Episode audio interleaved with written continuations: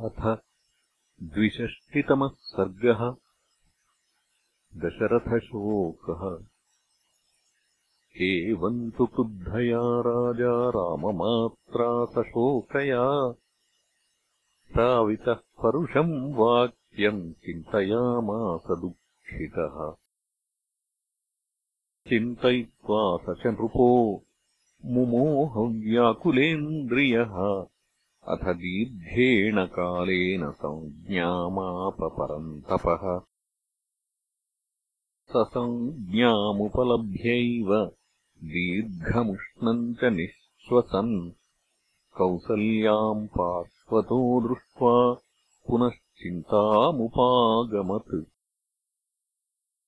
तस्य चिन्तयमानस्य प्रत्यभात्कर्म दुष्कृतम् यदनेन कृतम् पूर्वम् अज्ञानाच्छब्दवेधिना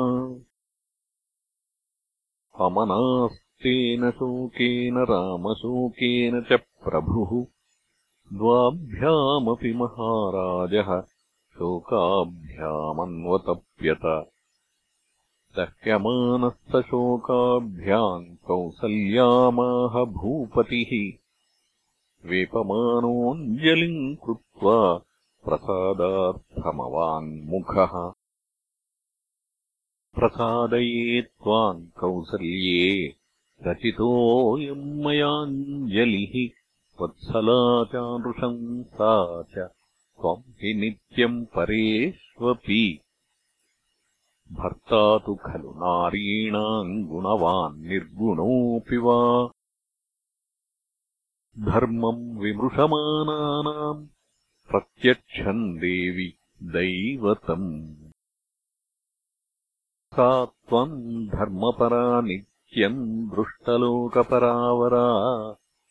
नार्हसे विप्रियम् वक्तुम् दुःखितापि सुदुःखितम्। तद्वाक्यम् करुणम् राज्ञः श्रुत्वा दीनस्य भाषितम् कौसल्या व्यसृजद्बाष्पम् प्रणाळीव नवोदकम् सा मूर्ध्निबद्ध्वा रुदती राज्ञः पद्ममिवाञ्जलिम्। सम्भ्रमादब्रवीत् प्रस्ता परमाणाक्षरम् वचः। प्रसीद शिरसा याते भूमौ निपतितास्मि ते याचितास्मि हता देव। क्षन्तव्याहम् न हि त्वया। नैषा हि सा स्त्री भवति श्लाघनीयेन धीमता। उभयोर्लोकयोर्वीर। पत्या या सम्प्रसाद्यते। जानामि धर्मम् धर्मज्ञ।